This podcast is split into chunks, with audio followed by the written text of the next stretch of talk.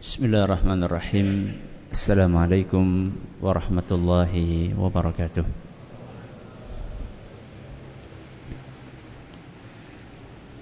الحمد لله وحده والصلاة والسلام على من لا نبي بعده وعلى آله وصحبه ومن اتبع هداه إلى يوم القيامة أما بعد Kita panjatkan puja dan puji syukur kehadirat Allah Tabaraka wa Ta'ala Pada kesempatan malam yang berbahagia kali ini Kita masih kembali diberi kekuatan, kesehatan, hidayah serta taufik dari Allah Jalla wa Ala Sehingga kita bisa kembali menghadiri pengajian rutin malam Sabtu di Masjid Jenderal Sudirman Purwokerto ini.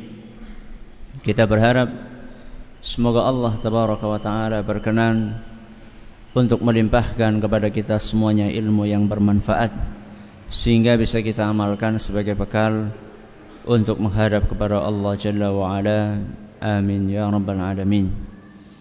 Salam dan salam semoga senantiasa tercurahkan kepada junjungan kita Nabi besar Muhammad sallallahu alaihi wa ala alihi wasallam kepada keluarganya, sahabatnya dan umatnya yang setia mengikuti tuntunannya hingga di akhir nanti. Para hadirin dan hadirat sekalian kami hormati dan juga segenap pendengar radio Insani 102.2 FM di Purwokerto, Purbalingga, Banjarnegara, Cilacap, Wonosobo dan sekitarnya. Juga para pemirsa UFI TV yang semoga senantiasa dirahmati oleh Allah Azza wa Jalla. Materi terakhir kita masih tentang hak yang ketiga sesama muslim yaitu masalah nasihat. Ya masalah nasihat. Pembahasan kita tentang nasihat terakhir tentang objek nasihat. Ada berapa objeknya? Berapa? Lima. Ya. Hari ini insya Allah kita akan berpindah kepada pembahasan yang lainnya masih tentang nasihat adalah tentang hukum nasihat. Hukum nasihat. Hukumnya ini wajib apa sunnah kalaupun wajib fardu ain atau fardu kifayah. Kalau wajib berarti andai tidak dilakukan maka kita berdosa. Ada resikonya. Jadi ketika kita menentukan hukumnya apa, itu ada resikonya. Kalau dikatakan wajib, andai ditinggalkan dan kita mampu, maka kita dosa.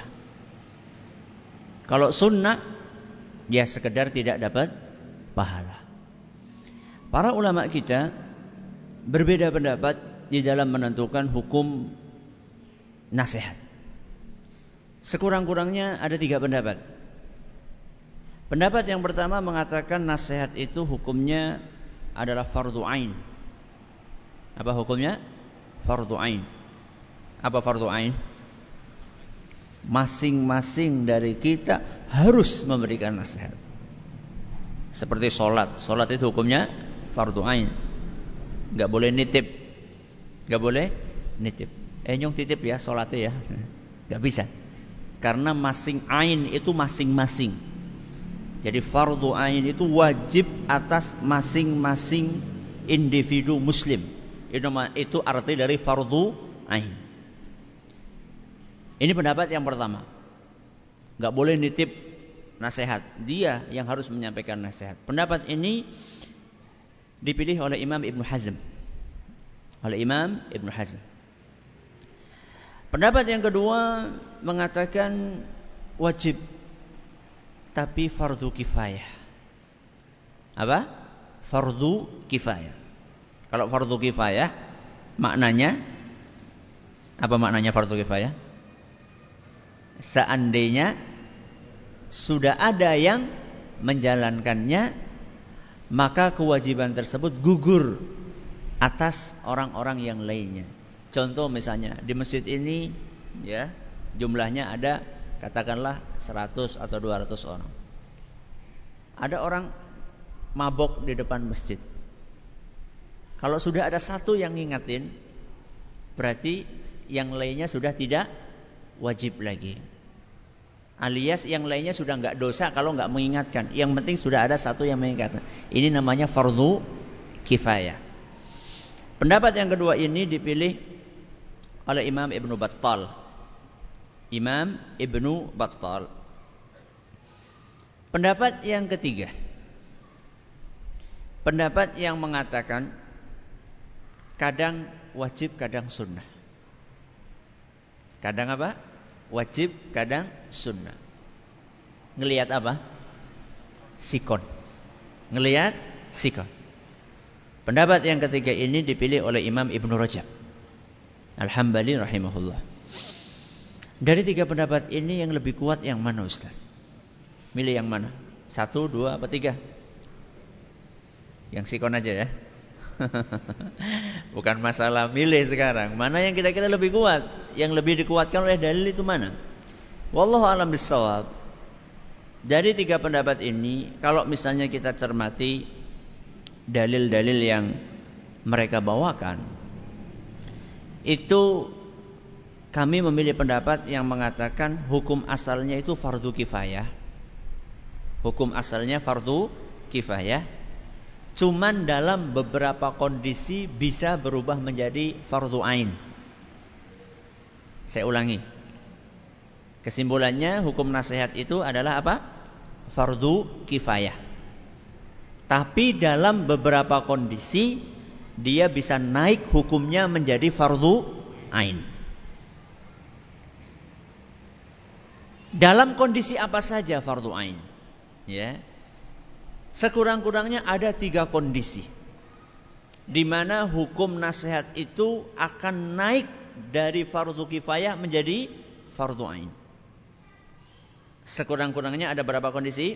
Tiga kondisi. Hukum asalnya fardu kifayah, dalam beberapa kondisi bisa naik menjadi fardu ain. Kapan? Satu. Kalau kita diminta untuk menyampaikan nasihat. Kalau apa? Kita diminta. Eh, tolong dong nasihati saya. Dalam kondisi seperti itu, maka fardu ain. Wajib bagi Anda untuk menasihati dia. Kenapa? Karena itu haknya seorang muslim. Sebagaimana yang hadis kita baca dalam Bulughul Maram, hadis riwayat Muslim, hakul muslimi 'alal muslimi sittun. Haknya muslim atas muslim yang lainnya ada berapa? Ada enam. Yang ketiga, idastan sahaka fansah lahu. Hak yang ketiga, kalau dia minta nasihat kepadamu, maka nasihatilah dia. Ini perintah. Perintah dari Nabi SAW. Dan yang namanya perintah di dalam nas Al-Quran atau sunnah Nabi SAW, setiap ada perintah itu bermakna wajib. Kecuali kalau ada dalil lain yang memaknai perintah itu sebagai sunnah. Contoh seperti ini. Ada perintah dalam Al-Quran Akimis solata. Apa artinya? Tegakkanlah sholat. Berarti sholat hukumnya apa? Wajib. Kenapa? Karena ayatnya bunyinya perintah. Kecuali sholat. Kecuali sholat sunnah. Namanya juga sholat sunnah. Makanya sunnah. Kenapa kok sholat sunnah, sholat duha? Jadi sunnah tidak wajib padahal perintah awalnya adalah wajib. Maksudnya perintah untuk sholat itu wajib karena ada dalil lain. Dalil lainnya Nabi SAW kadang-kadang sholat duha, kadang-kadang tidak sholat duha. Berarti sholat duha itu hukumnya apa? Sunnah. Ya. Sama dengan kondisi yang pertama ini. Nabi SAW mengatakan kalau ada saudara mau minta nasihat kepadamu, maka nasihatilah dia. Nasihatilah dia. Ini perintah. Dan hukum asal perintah itu wa, wajib. Dan setahu kami tidak ada dalil yang menunjukkan merubah hukum ini dari wajib menjadi sunnah. Makanya ini penting Ya kalau ada orang konsultasi sama panjenengan, eh saya punya masalah gini dong. tolong saya dikasih masukan. Kalau jenengan mampu dan jenengan tidak memberikan nasihat itu kepada dia, maka dosa. Karena hukum ini fardu ain. Ini kondisi yang keberapa? Yang pertama. Kondisi yang kedua,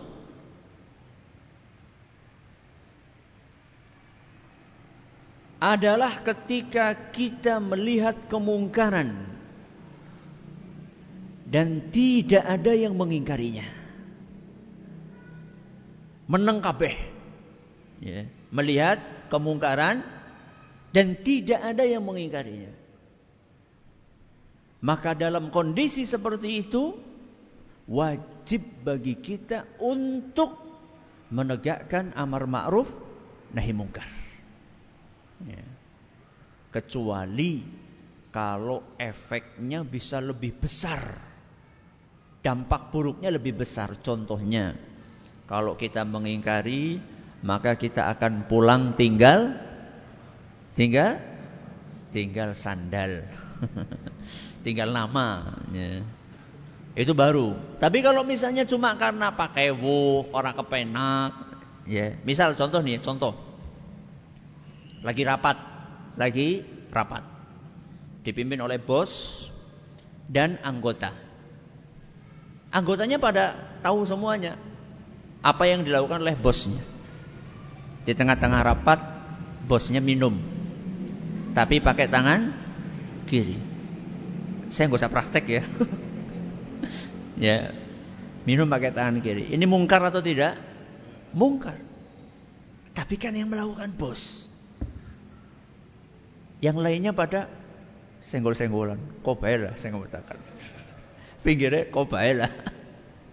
Dalam kondisi seperti itu kalau tidak ada satupun yang mengingatkan maka semuanya akan ketip, kena dosa semuanya. Harus ada satu minimal yang melakukan itu dan fardu ain saat itu kalau tidak ada yang mengingatkan. Kalau tidak ada yang mengingatkan. Tentunya tidak harus di forum. Nanti kita akan jelaskan etika adab memberikan nasihat salah satunya adalah tidak di depan umum. Ya, jadi maksud saya itu adalah nanti ada yang mendekati bosnya suatu saat mungkin mengatakan nun sewu Pak Bos anu tangannya lagi sakit apa? ya yes, gimana lah caranya jenengan lebih paham gimana yang kira-kira tidak menyinggung perasaannya si bos tadi. Ini kondisi yang keberapa? Yang kedua. Karena Nabi SAW bersabda, Man ra'a minkum mungkaran, falyughayyirhu. Barang siapa yang melihat kemungkaran, maka ubahlah. Ini perintah atau bukan? Perintah. Dan tadi kita sudah bahas perintah itu kalau ada dalam nas Quran atau hadis, hukum asalnya perintah itu bermakna wajib kecuali ada dalil lain yang merubah hukum itu jadi sunnah. Ini kondisi yang kedua. Kondisi yang ketiga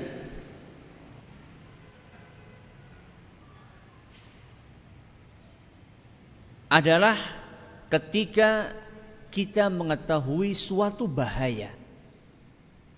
Ketika kita mengetahui suatu bahaya yang bahaya itu tidak diketahui oleh orang lain. Saya ulangi, ketika kita mengetahui suatu bahaya dan bahaya itu tidak diketahui sama orang lain. Contohnya apa ya? Contoh, misalnya ya, dalam masalah dunia contohnya. Panjenengan punya atau rumahnya dekat danau. Rumahnya dekat danau. Danaunya indah sekali. Dan di situ jenengan sendirian sama keluarga tok misalnya. Di situ nggak ada orang lain. Di tengah hutan, danau. Dan jenengan tahu di danau itu ada buayanya. Atau ada ular anakondanya. Ada nggak ya ular anakonda? Apa cuma di film tok ya? ya. Kok kemudian ada orang hacking dari kota, ya, hacking Indah kelihatan senang banget, pengen renang di situ. Dan yang tahu cuma jenengan. Saat itu maka hukumnya apa? Fardu ain. Wajib bagi jenengan untuk mengingatkan orang tersebut. Masalah dia nerima atau tidak itu di luar kemampuan kita. Yang penting sudah mengingatkan. Masalah dia mengatakan landean lagi lagi turun dean bayannya. Ya terserah dia itu. Dia pengen nyoba ya silahkan. Ya, yang penting kita sudah menyampaikan. Ini kondisi yang keberapa? Ketiga. Jadi kita ulangi. Uh, yang insya Allah lebih kuat adalah pendapat yang mengatakan nasihat itu hukumnya apa? Fardu. Uh. Nasihat itu hukum asalnya apa? Fardu kifayah. Kecuali dalam beberapa kondisi antara lain tiga. Yang pertama, ketika kita diminta untuk menyampaikan nasihat. Kondisi yang kedua, ketika melihat kemungkaran dan tidak ada yang mengingkari serta tidak mengakibatkan kemungkaran yang lebih besar. Yang ketiga, ketika kita mengetahui bahaya yang bahaya itu tidak diketahui tidak diketahui oleh orang lain. Sudah. Selesai pembahasan tentang hukum nasihat, sekarang kita memasuki pembahasan yang panjang. Apa kira-kira? Adab nasihat. Ya. Dan ini entah berapa pertemuan. Ya. Seperti dulu ketika kita nyampaikan adab apa ya? Salam. Ya. Kita awali dengan menyampaikan adab nasihat. Amat disayangkan banyak di antara kita ini atau di antara kaum muslimin alhamdulillah semangat menyampaikan nasihat. Ini sebuah fenomena yang menggembirakan. Akan tetapi kadang-kadang sebagian dari semangat itu tidak diiringi dengan ilmu yang cukup. Sehingga terkadang nasihat yang disampaikan karena tidak didukung dengan ilmu yang cukup alias tidak memperhatikan etika malah jadinya menimbulkan kegaduhan menimbulkan keributan menimbulkan polemik yang tidak selesai-selesai. Menyita perhatian orang satu Indonesia atau bahkan orang satu dunia maka nasihat itu wajib seperti yang tadi kita sampaikan. Apalagi dalam beberapa kondisi. Akan tetapi Nabi kita SAW itu bukan cuma memerintahkan kita untuk kasih nasihat. Tapi Nabi SAW juga mengajarkan kepada kita etikanya. Sayangnya tidak sedikit orang ketika menyampaikan nasihat itu etikanya tidak diperhatikan. Alasannya sing penting bok menyampaikan. Loh, nek padane sing penting menyampaikan, kenapa Rasulullah Shallallahu alaihi wasallam memilih bahasa ketika akan memberikan nasihat? Ya. Kenapa Rasulullah SAW menggunakan cara-cara ya menyusun bahasa, bikin perumpamaan supaya orang itu mau menerima. Kalau misalnya hanya sekedar yang penting menyampaikan, Nabi SAW akan menyampaikan sholat, orang sholat melebu neraka, rampung. Apakah seperti itu Nabi SAW mengajarkan umatnya untuk sholat? Nabi SAW caranya banyak banget. Kadang-kadang Nabi pakai perumpamaan. Nabi pernah mengatakan araaitum law anna nahran bi babi ahadikum yaghtasilu minhu kulla yawmin khamsa marrat. Hal yabqa min daranihi syai? Nabi pernah mengatakan kepada sahabatnya lagi kumpul-kumpul pengajian atau lagi duduk-duduk Nabi berkata wahai sahabatku menurut kalian ini kalau ada orang di depan rumahnya ngalir sungai kemudian dia di situ mandi sehari lima kali kira-kira masih tersisa kotoran di tubuhnya enggak Para sahabat langsung mengatakan, lah ya. Ya jelas tidak wahai Rasul. Sehari mandinya berapa kali? Lima kali. Jadi kan berapa kali? Dua lah, ya. Minimal dua di Indonesia, negeri tropis. Ya, gampang keringetan. Kalau di Arab jarang-jarang mandi. Kenapa jarang-jarang mandi? Bukan karena airnya jarang, airnya banyak. Karena nggak terlalu perlu mandi. Kenapa bisa demikian? Ya, karena keringatnya itu langsung menguap, nggak lembab kayak kita. Kalau kita kan sehari saja baju itu sudah keringetan. Kalau di sana enggak. Kalau di sana itu jarang keringetan. Sehingga tubuh itu ya nggak mandi seminggu pun ya biasa aja. Ini saya itu ngomong berdasarkan pengalaman. Jadi saya itu bukan bukan katanya. Ya. Jadi mandinya itu seminggu sekali hari Jumat. Tapi nggak bau. Ba tapi tetap ganti, ganti baju. Ya. Berapa hari, dua hari, satu hari ganti tetap. Akan tapi nggak bau. Beda di Indonesia. Coba aja di Indonesia nggak mandi seminggu. Nah ini Nabi SAW berbicara dengan para sahabatnya, kalau misalnya ada orang sehari mandi lima kali, gimana? Sisa kotoran enggak? Kata para sahabat, ya tidak wahai Rasul. Kemudian Nabi SAW mengatakan, فَذَلِكَ مَثَلُ الصَّلَوَاتِ الْخَمْسِ يَمْحُ اللَّهُ بِهِنَّ Itulah perumpamaan sholat lima waktu.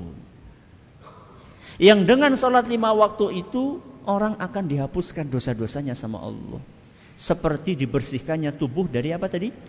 Daki kotoran.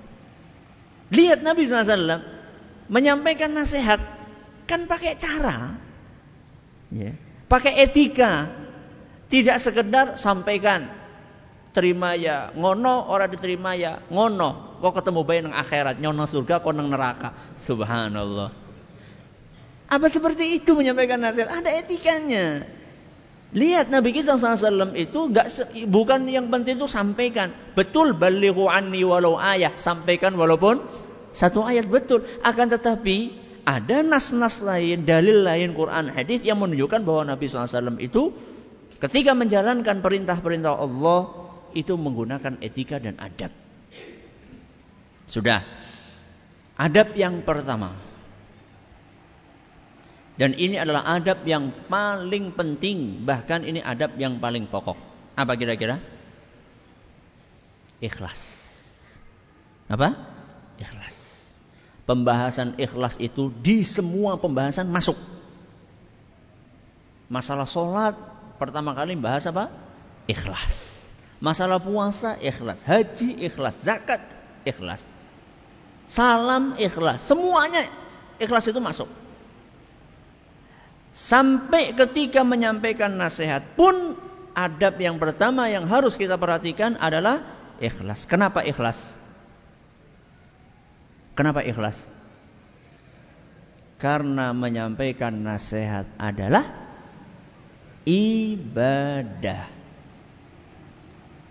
Karena menyampaikan nasihat adalah ibadah dan ibadah tidak akan diterima oleh Allah kecuali kalau memenuhi beberapa syarat dua. Yang pertama apa? Ikhlas karena Allah. Yang kedua sesuai dengan tuntunan Rasulullah Sallallahu Alaihi Wasallam. Ikhlas dalam menyampaikan nasihat itu maksudnya bagaimana Ustaz? Maksudnya ketika kita menyampaikan nasihat murni semata-mata karena mengharapkan pahala dari Allah ingin mendapatkan ridhonya Allah. Tidak ingin yang lain-lainnya. Bukan karena urusan duniawi atau tendensi duniawi. Enggak. Jadi kayak yang tadi itu nyampaikan negur bosnya, ya itu bukan karena ah siapa ngapa kok gajiku jadi mundak, nah, malah jadi ini mudun karena gak ikhlas. Ya.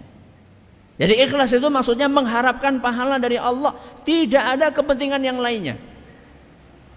Dan juga di antara makna ikhlas di dalam menyampaikan nasihat adalah kita ingin dari nasihat yang kita sampaikan si fulan ini menjadi lebih baik dan meninggalkan kesalahannya. Sehingga tidak ada kegembiraan yang melebihi kegembiraan ketika si fulan ini setelah dinasehati tambah baik. Ini adalah adab yang pertama. Dan ketika seorang ikhlas di dalam menyampaikan nasihat, dia akan untung dunia akhirat. Dunianya untungnya apa? Nasihatnya gampang diterima. Nasihatnya gampang diterima. Keuntungan akhiratnya apa? Dapat pahala dari Allah Subhanahu wa taala. Wal asri innal insana lafi khusrin. Terus apa? Illal ladzina amanu wa amilus solihati wa tawasau bil haq. Kalau orang pengen selamat dari kerugian, pengen masuk surga, harus tawasau bil haq. Sampaikan nasihat kepada orang lain. Ini keuntungan ukhrawinya. Keuntungan duniawinya, nasihatnya akan mudah diterima. Kenapa? Karena orang yang dinasehati itu bisa merasakan ketulusan hati kita ketika kita menyampaikan nasihat. Makanya ada seorang ulama pernah dicurhati. Pernah dicurhati seorang juru dakwah. Ulama didatangi sama juru dakwah. Dia curhat kepada ulama yang bernama Muhammad ibnu Wasi' seorang ulama namanya Muhammad Ibnu Wasi' beliau wafat pada tahun 127 Hijriah jadi abad kedua Hijriah ulama besar juru dakwah itu mendekati Muhammad bin Wasi' sambil berkata wahai fulan kenapa ya kalau saya ngisi pengajian saya menyampaikan nasihat kok saya perhatikan orang-orangnya nggak pada tersentuh saya perhatikan orangnya nggak pada tersentuh. Saya sudah ngomong sampai bahasa kita itu sampai berbusa-busa.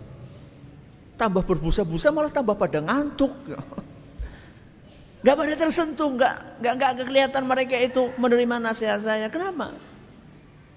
Kata Muhammad ibnu Wasi, wahai fulan, menurut saya sumber permasalahannya itu di antum, Sumber permasalahannya itu di dalam diri juru dakwahnya. Loh kok bisa? Iya. Kata Muhammad ibnu Wasi' fa innal qawla idza kharaja minal qalbi waqa'a fil qalb.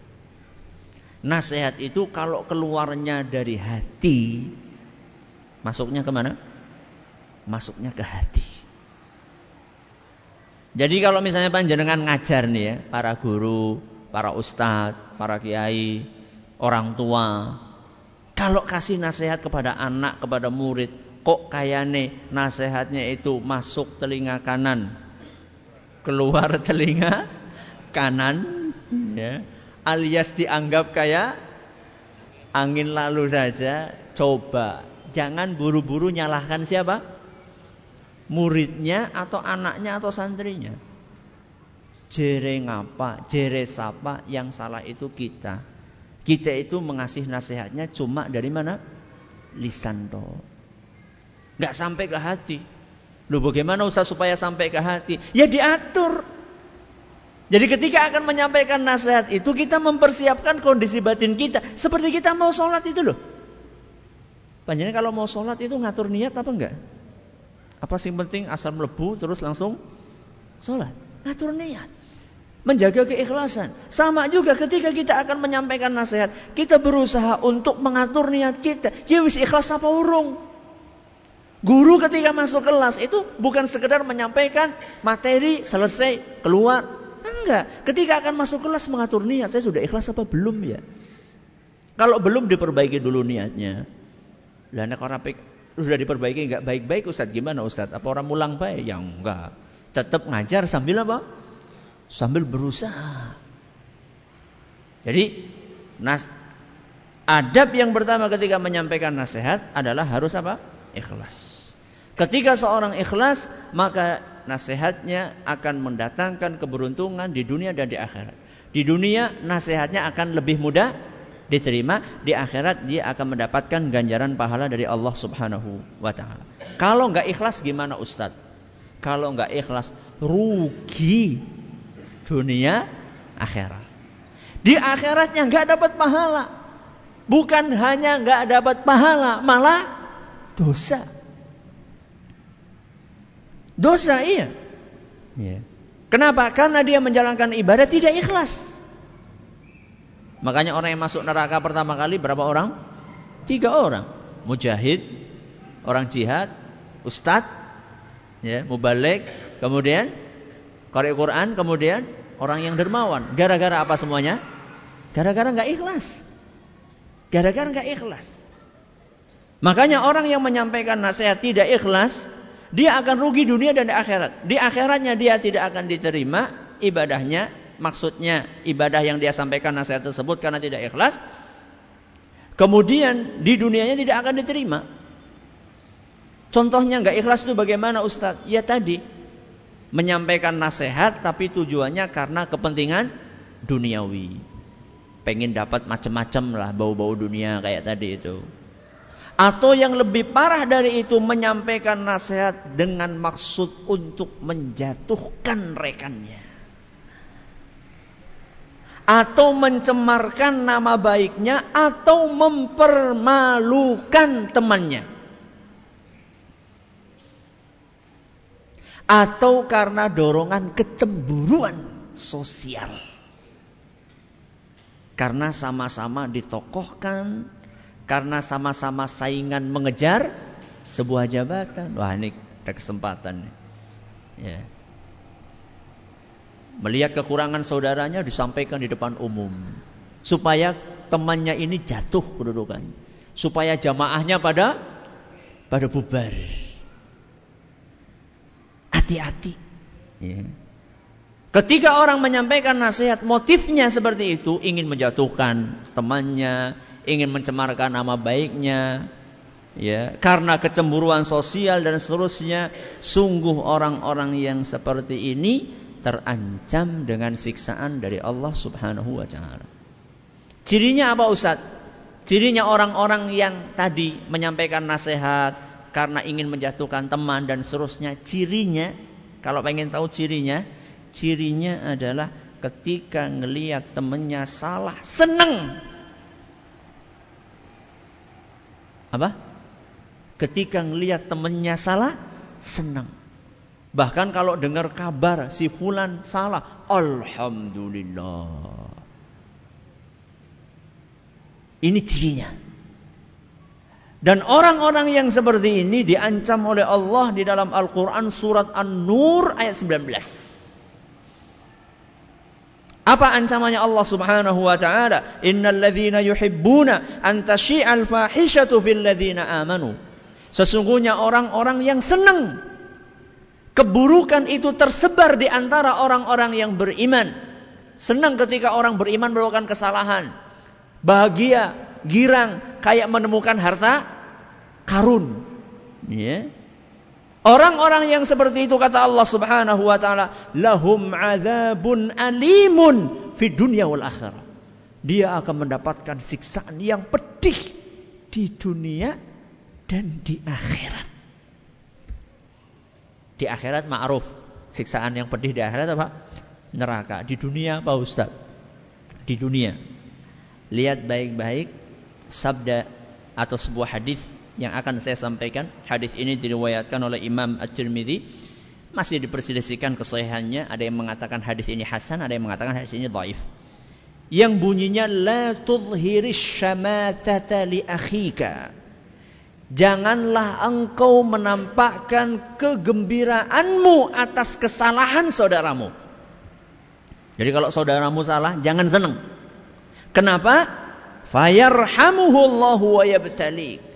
Allah bisa jadi akan merahmati temanmu itu dan menguji kamu dengan kesalahan yang sama. Makanya naudzubillah min dzalik kalau temannya melakukan kesalahan jangan apa? Jangan senang. Jangan malah tepuk tepuk tangan hore. Ya. Jangan. Tapi kita harus sedih. Setelah sedih kemudian kita berusaha untuk menasihati dia. Itu yang seharusnya dilakukan oleh seorang muslim. Makanya seorang yang beriman ketika melihat saudaranya ada punya kesalahan, dia berusaha tutupi, tutupi. Supaya apa? Supaya tidak tersebar, dinasehati. Rasulullah SAW dalam sebuah hadis yang diriwayat oleh Imam Tirmidzi dan dinyatakan sahih oleh Syekh Al-Albani Diceritakan oleh Ibnu Umar, "Sa'ida Rasulullah sallallahu alaihi wasallam al-mimbar fanada bi sautin rafi'in." Pada suatu hari Nabi SAW naik ke atas mimbar, kemudian beliau menyampaikan nasihat dengan suara yang tinggi supaya didengar oleh para sahabat. Apa isi isi nasihat tersebut? Ya ma'syara man aslama bilisanihi walam yufdil imanu ila qalbihi. Wahai orang-orang yang baru Islam lisannya imannya belum masuk ke hati. Ini teguran keras dari siapa? Rasul wahai orang yang baru ngaku apa Islam tapi imannya belum masuk ke mana ke hati apa kata Nabi SAW? La tu'zul muslimin Jangan kalian menyakiti kaum muslimin.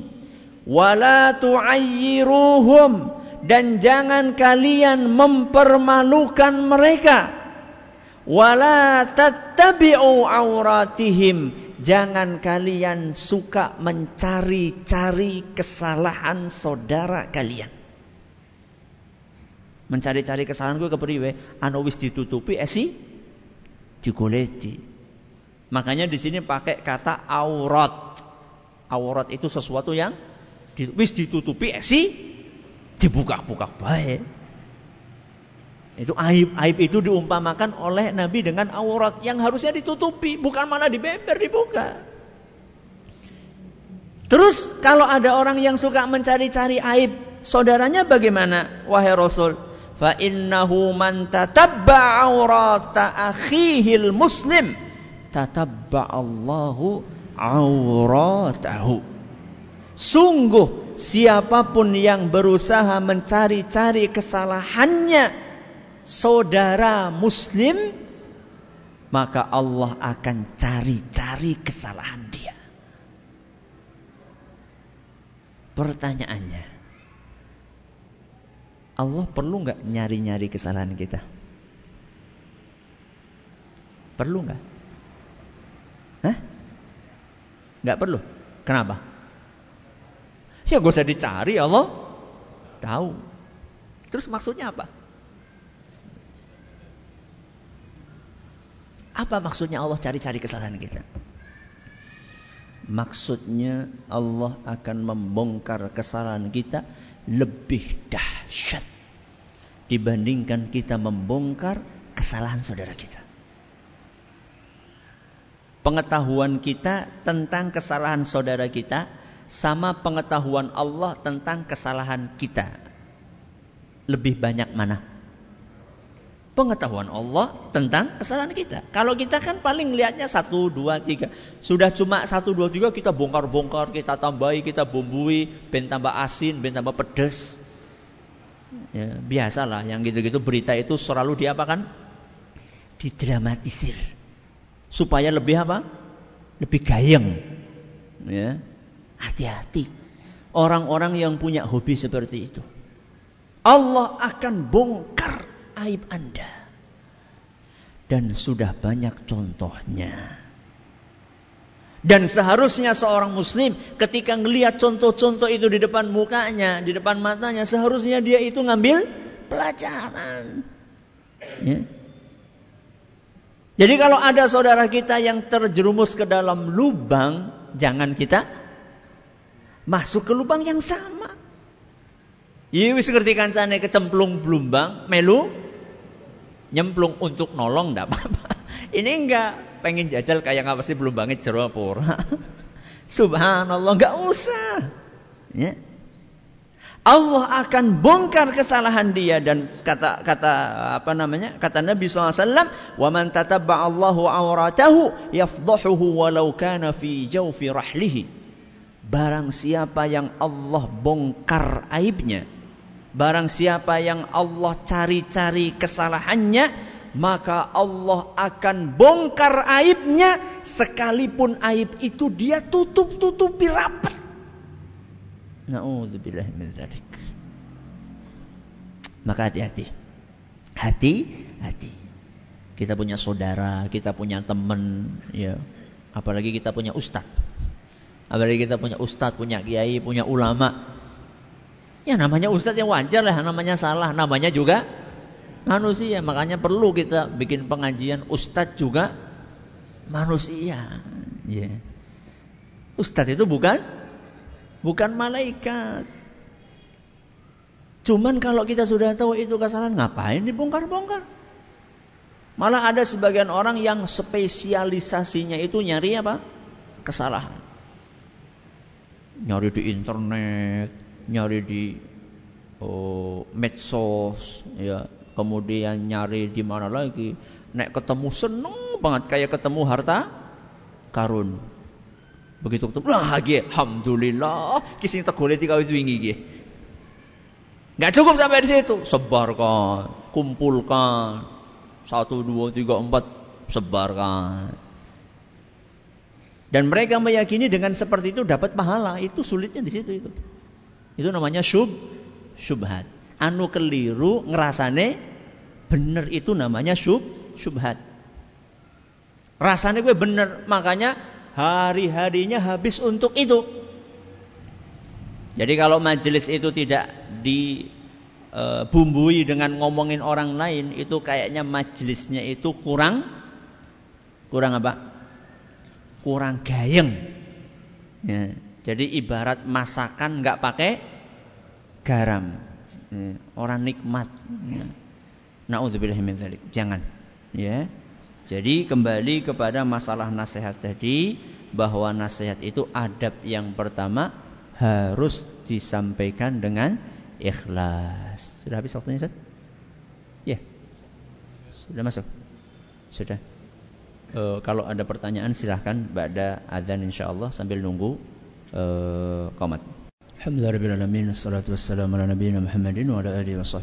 wa ba'd. Sebelum kita buka pintu tanya jawab, saya ingin menyampaikan pengumuman yang pernah saya sampaikan kemarin di pengajian tafsir bahwa untuk kajian rutin kita sirah Nabi SAW di mana? Masjid Agung Baitul Salam Purwokerto untuk bulan ini sementara kita uh, liburkan karena pertimbangan kesehatan. Mudah-mudahan bulan depan bisa uh, berjalan kembali. Saya ulangi untuk pengajian fikih sirah Nabi yang biasa dilaksanakan di Masjid Agung Baitus Salam Purwokerto setiap Ahad kedua, berarti Ahad besok tanggal berapa besok? Berapa? 12 ya, tanggal 12 sementara kita liburkan karena pertimbangan kesehatan semoga bulan depan bisa kita uh, laksanakan kembali. Ada yang ada pertanyaan silakan. Assalamualaikum. Iya.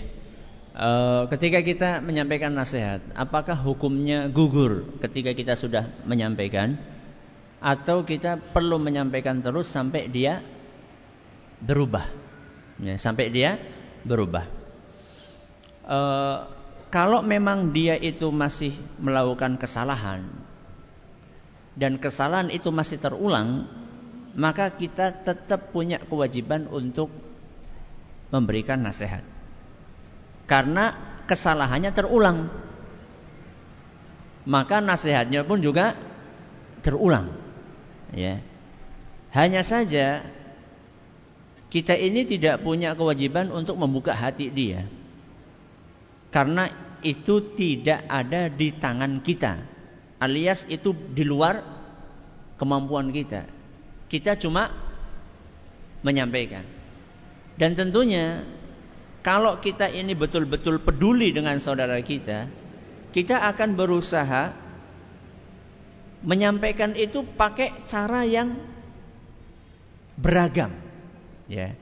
Jadi misalnya